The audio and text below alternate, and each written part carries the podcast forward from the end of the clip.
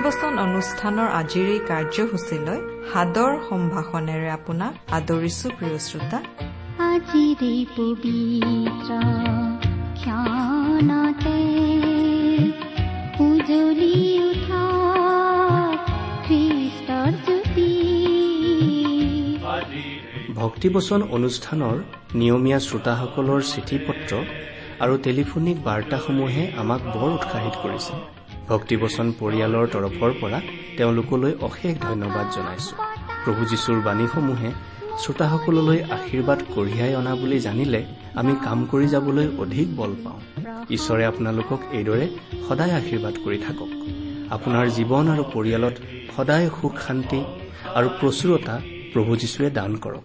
শাৰীৰিক সকলো ৰোগ ব্যাধি পাৰিবাৰিক সমস্যা আৰু আত্মিক সকলো বন্ধনবোৰৰ সমাধান দিব পৰা প্ৰভু যীশুৰ বাণীসমূহে যেন আপোনাৰ জীৱনলৈ নতুনত্ব আৰু জীয়াই থকাৰ প্ৰকৃত অৰ্থ কঢ়িয়াই আনে এয়ে আমাৰ প্ৰাৰ্থনা।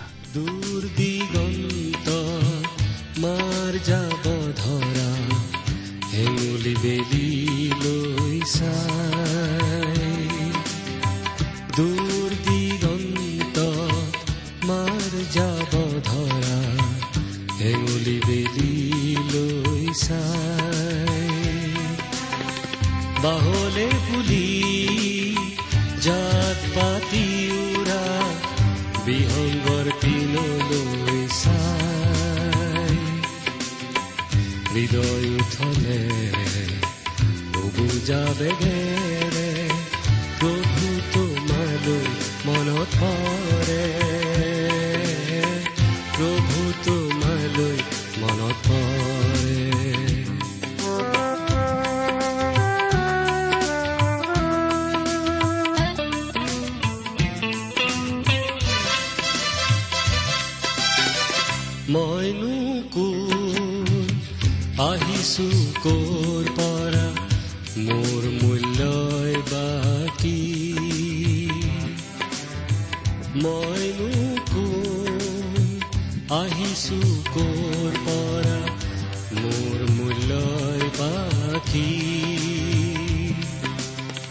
দিনে নিশাই মোৰ ঘমুৱা জীৱনৰ অৰ্থনো কি?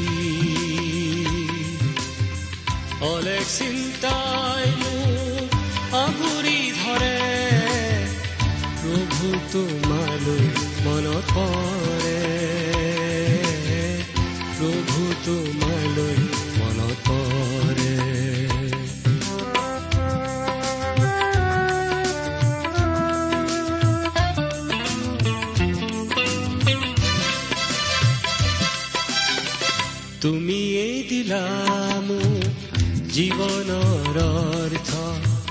জীয়াই থকাৰ লক্ষ্য। তুমিয়েই দিলা মোক জীৱনৰ অৰ্থ জীয়াই থকাৰ লক্ষ্য। এই জীৱনৰ সিপাৰে থকা অনন্ত জীৱনৰ বাক্য। হৃদয় উপচে মোৰ কৃতজ্ঞতাৰে প্ৰভু তোমালৈ মনত পৰে। প্ৰভু তোমালৈ মনত পৰে।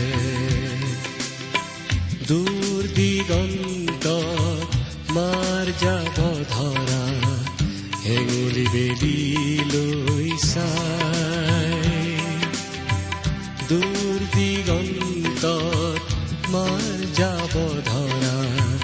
হেঙুলি বেলি লৈ চাই। বাহলে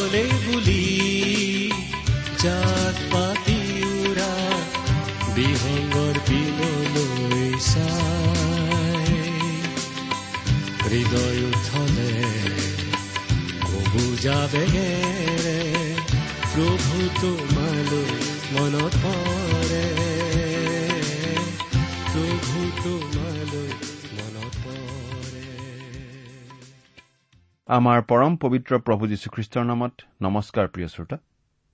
আশা কৰোঁ আপুনি ভালে কুশলে আছে। আপুনি আমাৰ এই ভক্তিবচন অনুষ্ঠান নিয়মিতভাৱে শুনি আছেনে বাৰু? এই ভক্তিবচন অনুষ্ঠানৰ জৰিয়তে আমি ঈশ্বৰৰ মহান বাক্য বাইবেল শাস্ত্ৰ অধ্যয়ন কৰি আহিছো। এই অনুষ্ঠানৰ বহুতো শ্ৰোতাই আমালৈ নিয়মিতভাৱে চিঠি পত্ৰ লিখি থাকে। এই অনুষ্ঠানৰ যোগেদি বহুতো লোকে আশীৰ্বাদ পোৱা বুলি আমালৈ লিখে।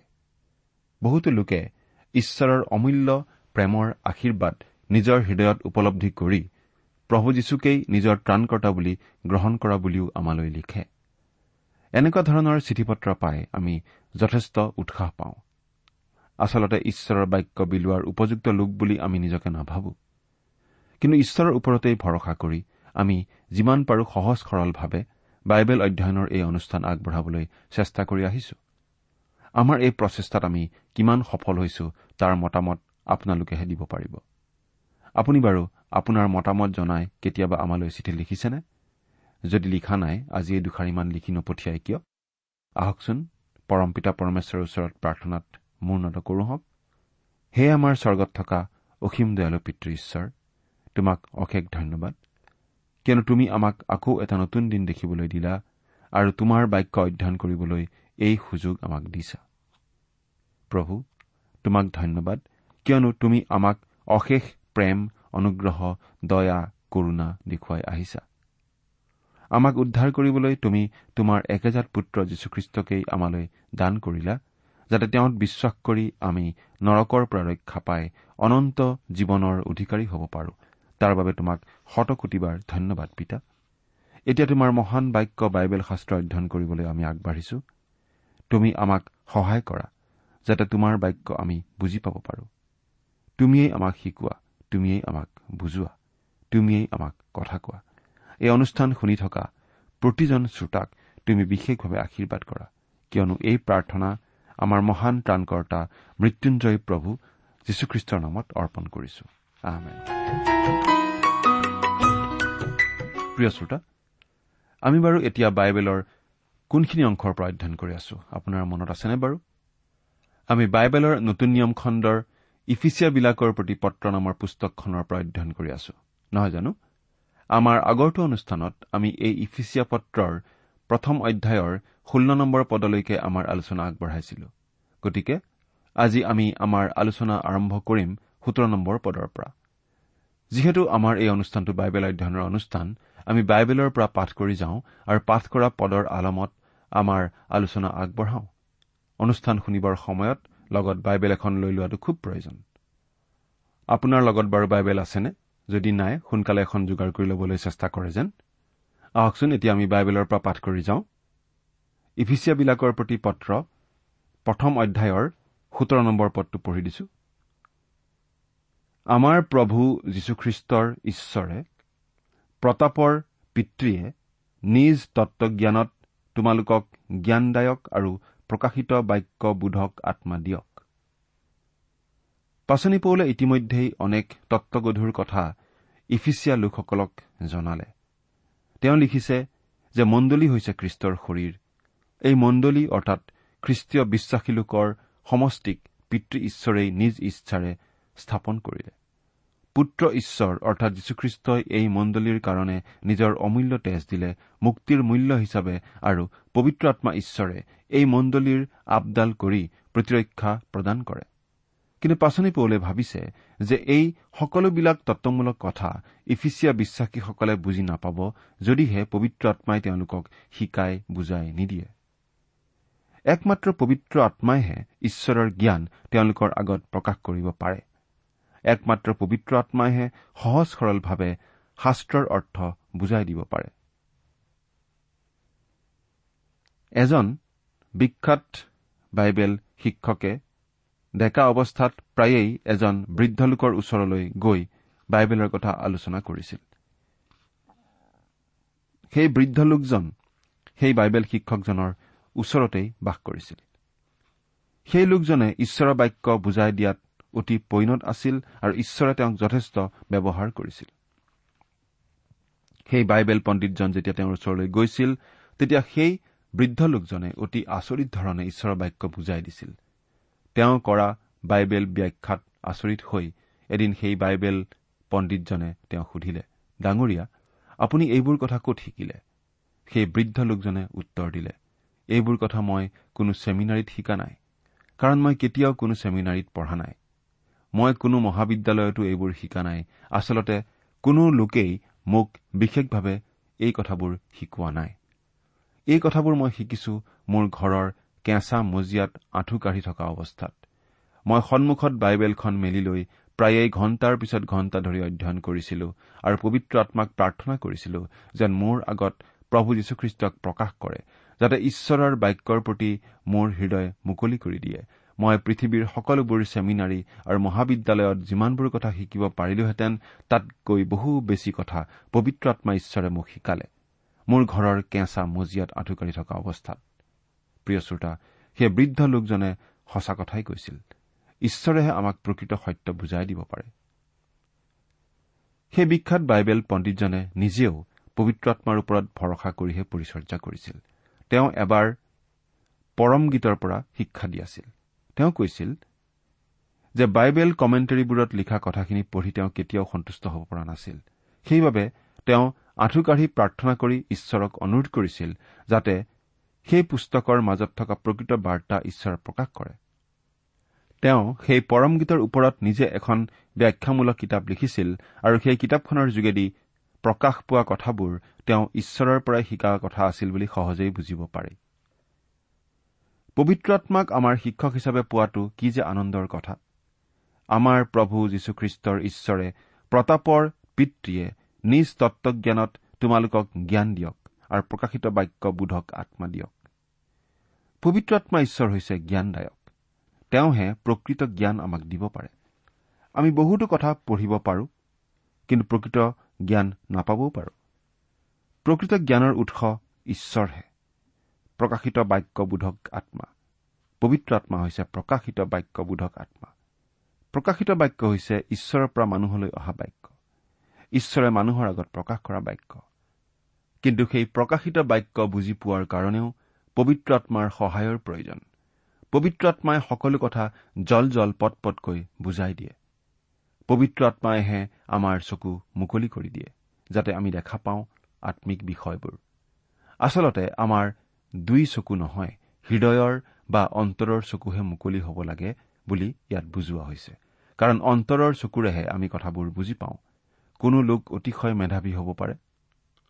স্কুল কলেজত সদায় ভাল ফলাফল দেখুওৱা লোক হ'ব পাৰে। কিন্তু তেনেকুৱা হলেই যে তেওঁ আম্মিক বিষয়বোৰ বুজি পাব তাৰ কোনো নিশ্চয়তা নাই। তেওঁৰ মগজু অতি চোকা হলেও একো লাভ নহবও পাৰে। আম্মিক বিষয়বোৰ বুজি পোৱাৰ ক্ষেত্ৰত তেওঁ কোনো লাভ নহব পাৰে। তেওঁৰ চোকা সেই বুদ্ধিবৃত্তি।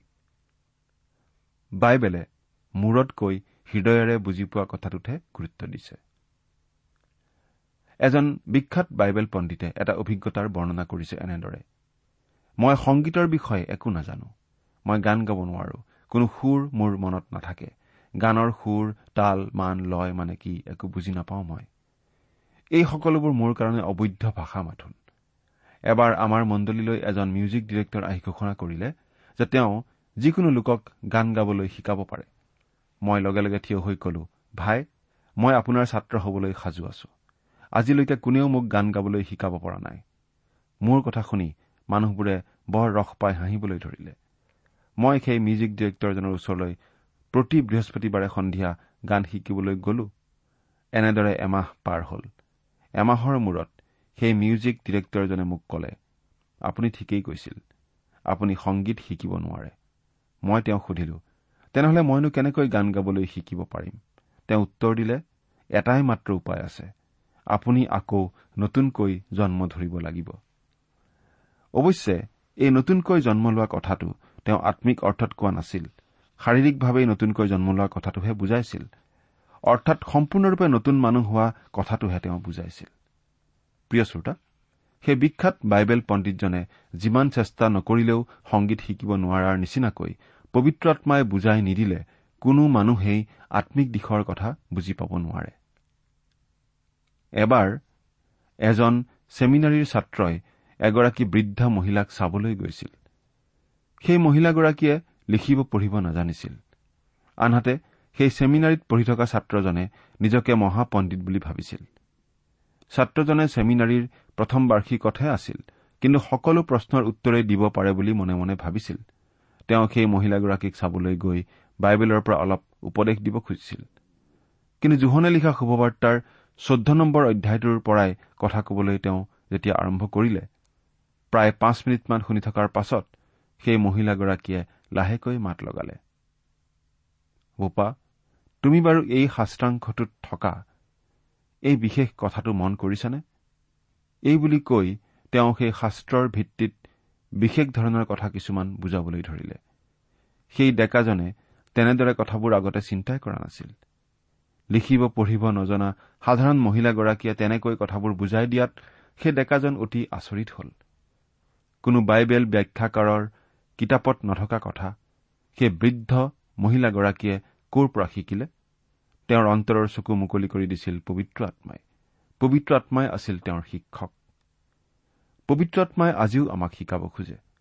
আমি বাৰু খ্ৰীষ্টীয় বিশ্বাসীসকলৰ প্ৰায়ভাগ লোকেই ঈশ্বৰৰ বাক্যত থকা কিয় নেদেখো? তাৰ মূল কাৰণ হৈছে তেওঁলোকে পবিত্ৰ আত্মাৰ যোগেদি শিকিব নোখোজে। তেওঁলোকে বেছিকৈ নিৰ্ভৰ কৰে কোনো শিক্ষক প্ৰচাৰকৰ ওপৰত বা হয়তো কোনো বাইবেল অধ্যয়নৰ শ্ৰেণীৰ ওপৰত। এই সকলোবোৰ প্ৰয়োজনীয় কথা। সেই কথাত কোনো সন্দেহ নাই। কিন্তু প্ৰিয় শ্ৰোতা আপোনাক শিকাবলৈ পবিত্ৰ আত্মাক সুযোগ দিয়ক। শাস্ত্ৰ অধ্যয়নৰ বাবে সময় লওক। যেতিয়া আপুনি বাইবেল পাঠ কৰি কৰি কোনো এডোখৰ শাস্ত্ৰাংশ পায় তেতিয়া হয়তো সেইখিনি আপোনাৰ শুকান শুকান লাগিব পাৰে। বাৰে বাৰে পঢ়িও কোনো শাস্ত্ৰাংশ আমাৰ অতি শুকান শুকান লাগিব পাৰে। কোনো বিশেষ অৰ্থ আমি নাপাবও পাৰোঁ। তেনে ক্ষেত্ৰত আমি প্ৰভুৰ আগত আঁঠু লৈ প্ৰাৰ্থনা কৰা উচিত। আমি এনেদৰে প্ৰাৰ্থনা কৰা উচিত প্ৰভু মই অৰ্থ বুজি পোৱা নাই তুমিয়েই মোক বুজাই দিয়া। এই পদ্ধতিৰেই আমি শিক্ষা লোৱা উচিত। বাইবেলৰ কথা বুজি পোৱাৰ আন উপায় আৰু নাই। এতিয়া ওঠৰ নম্বৰ পদটো পঢ়িছো। তেওঁৰ আমন্ত্ৰণৰ আশা কি? অৰ্থাৎ পবিত্ৰ লোকবিলাকৰ মাজত তেওঁৰ উত্তৰাধিকাৰৰ প্ৰতাপৰূপ ধন কি? তেওঁৰ আমন্ত্ৰণৰ আশা কি? অৰ্থাৎ পবিত্ৰ লোকবিলাকৰ মাজত তেওঁৰ উত্তৰাধিকাৰৰ প্ৰতাপৰূপ ধন কি? আমি ইতিমধ্যে আলোচনা কৰি আহিছো যে প্ৰভূত আমাৰ এক উত্তৰাধিকাৰ আছে। আমি এই কথাও জনা উচিত যে আমাতো প্ৰভুৰ এক উত্তৰাধিকাৰ আছে। এই কথাটো ভালদৰে বুজাবলৈ আমি কণান দেশৰ উদাহৰণ দিব পাৰোঁ। সেই কণান দেশৰ গৰাকী আছিল ঈশ্বৰ কিন্তু সেই দেশ তেওঁ দিছিল ইছৰাইলৰ লোকবিলাকক। যাতে সেই দেশ তেওঁলোকে দখল কৰি লয়। গতিকে সেই কণান দেশৰ ওপৰত অধিকাৰ আছে ইছৰাইলৰ লোকবিলাকৰহে। কিন্তু এনে এটা দিন আহিব যিদিনা ঈশ্বৰে এই সমগ্ৰ বিশ্ব ব্ৰহ্মাণ্ডৰ মালিকীস্বত্ব নিজে ল'ব। তেওঁ ইছৰাইল আৰু আন আন দেশ নিজৰ দেশ বুলি দাবী কৰিব। আমি খ্ৰীষ্টত বিশ্বাস কৰা প্ৰতিজন লোকেই তেওঁৰ মণ্ডলী আৰু তেওঁ আমাৰ যোগেদি কাম কৰে।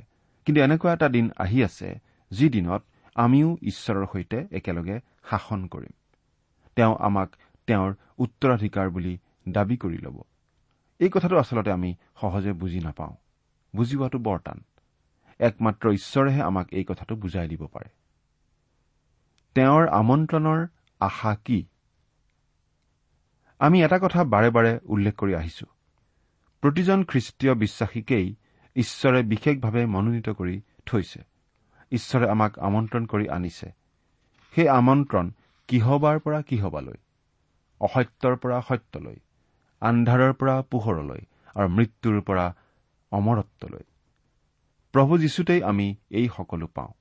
কিন্তু আমি সকলোখিনি এতিয়াই পাই যোৱা নাই কাৰণ কিছুমান ঘটনা এতিয়াও ঘটিবলৈ বাকী আছে। প্ৰভু যীশুৰ পুনৰ আগমন ঘটিবলৈ আছে। তাৰ লগে লগে বহুত কিবা কিবি ঘটিব। আমি প্ৰভু যীশুত আমন্ত্ৰিত লোকসকলে এটা বিশেষ আশা লৈ জীয়াই আছো।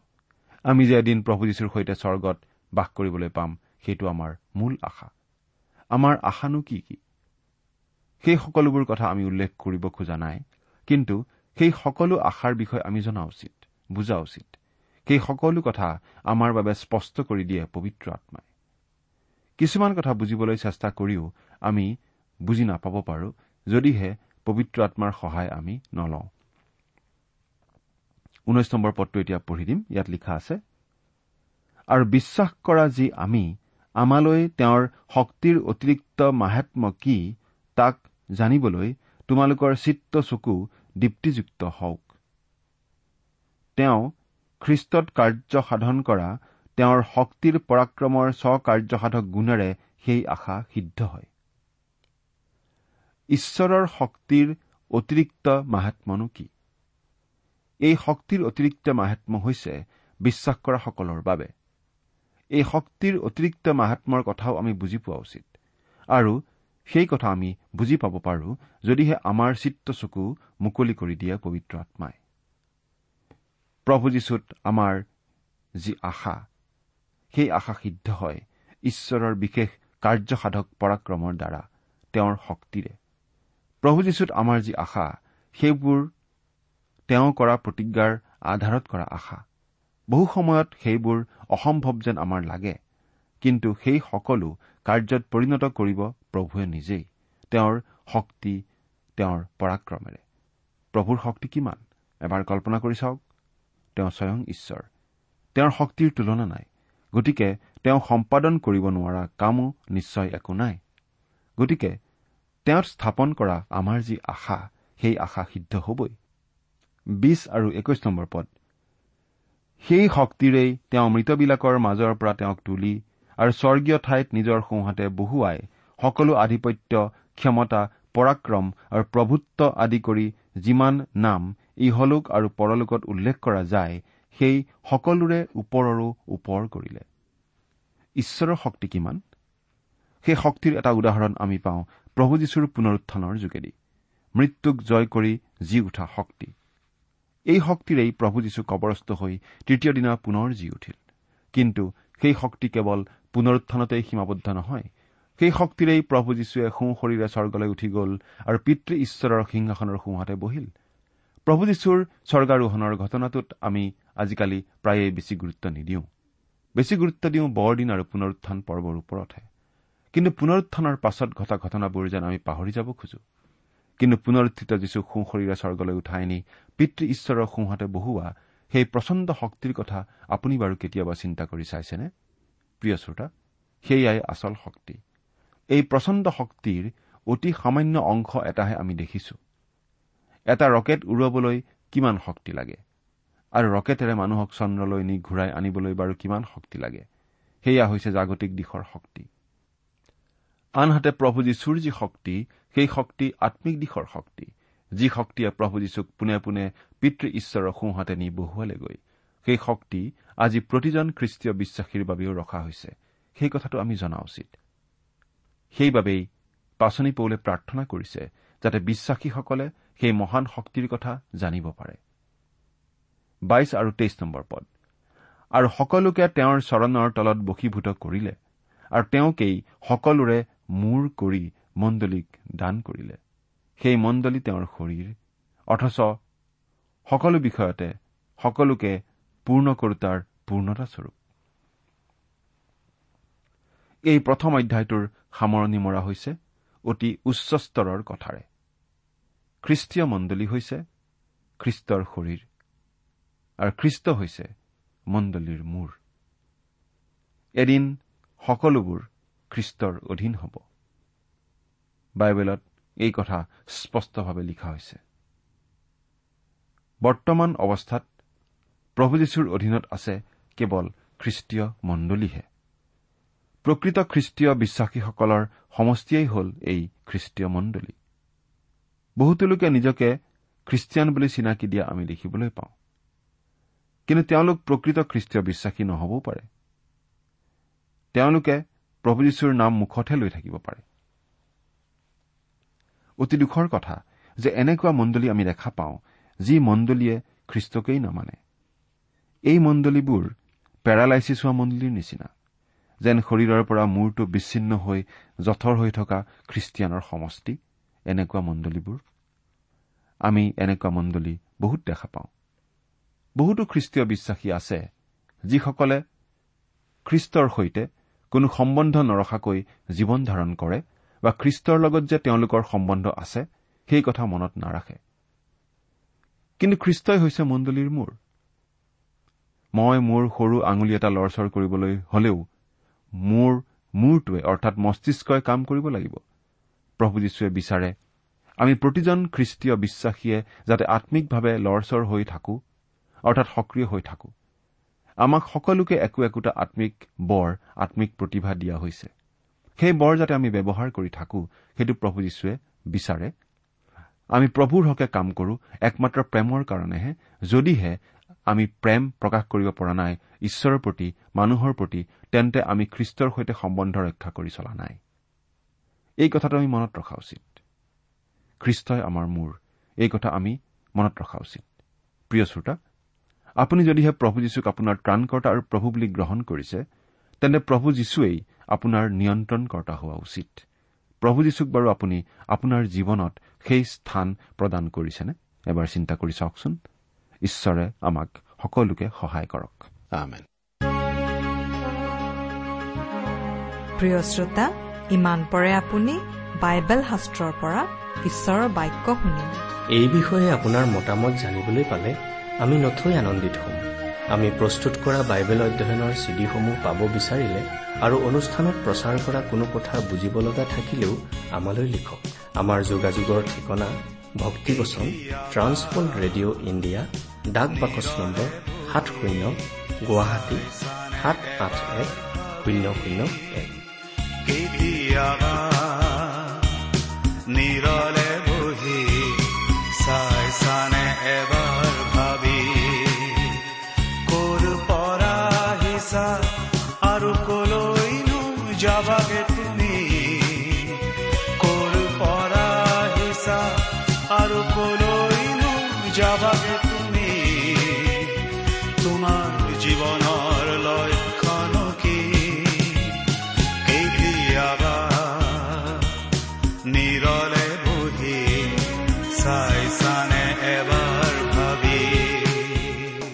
ঠিকনাটো আকৌ এবাৰ কৈছো ভক্তিবচন ট্ৰান্স ৱৰ্ল্ড ৰেডিঅ' ইণ্ডিয়া ডাক বাকচ নম্বৰ সাত শূন্য গুৱাহাটী সাত আঠ এক শূন্য শূন্য এক। আমাৰ ইমেইল এড্ৰেছটো হৈছে Assamese T TV at the rate radio' eight eight two dot com আমাৰ website W W W dot T W R dot in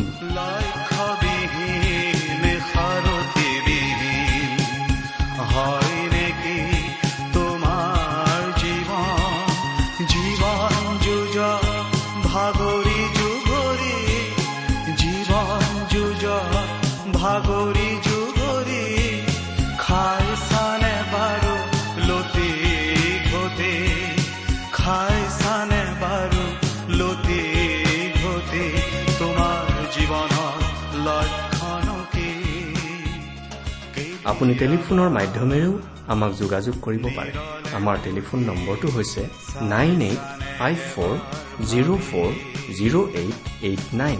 Phone নম্বৰটো আকৌ এবাৰ কৈছো ন আঠ পাঁচ চাৰি শূন্য চাৰি শূন্য আঠ আঠ ন।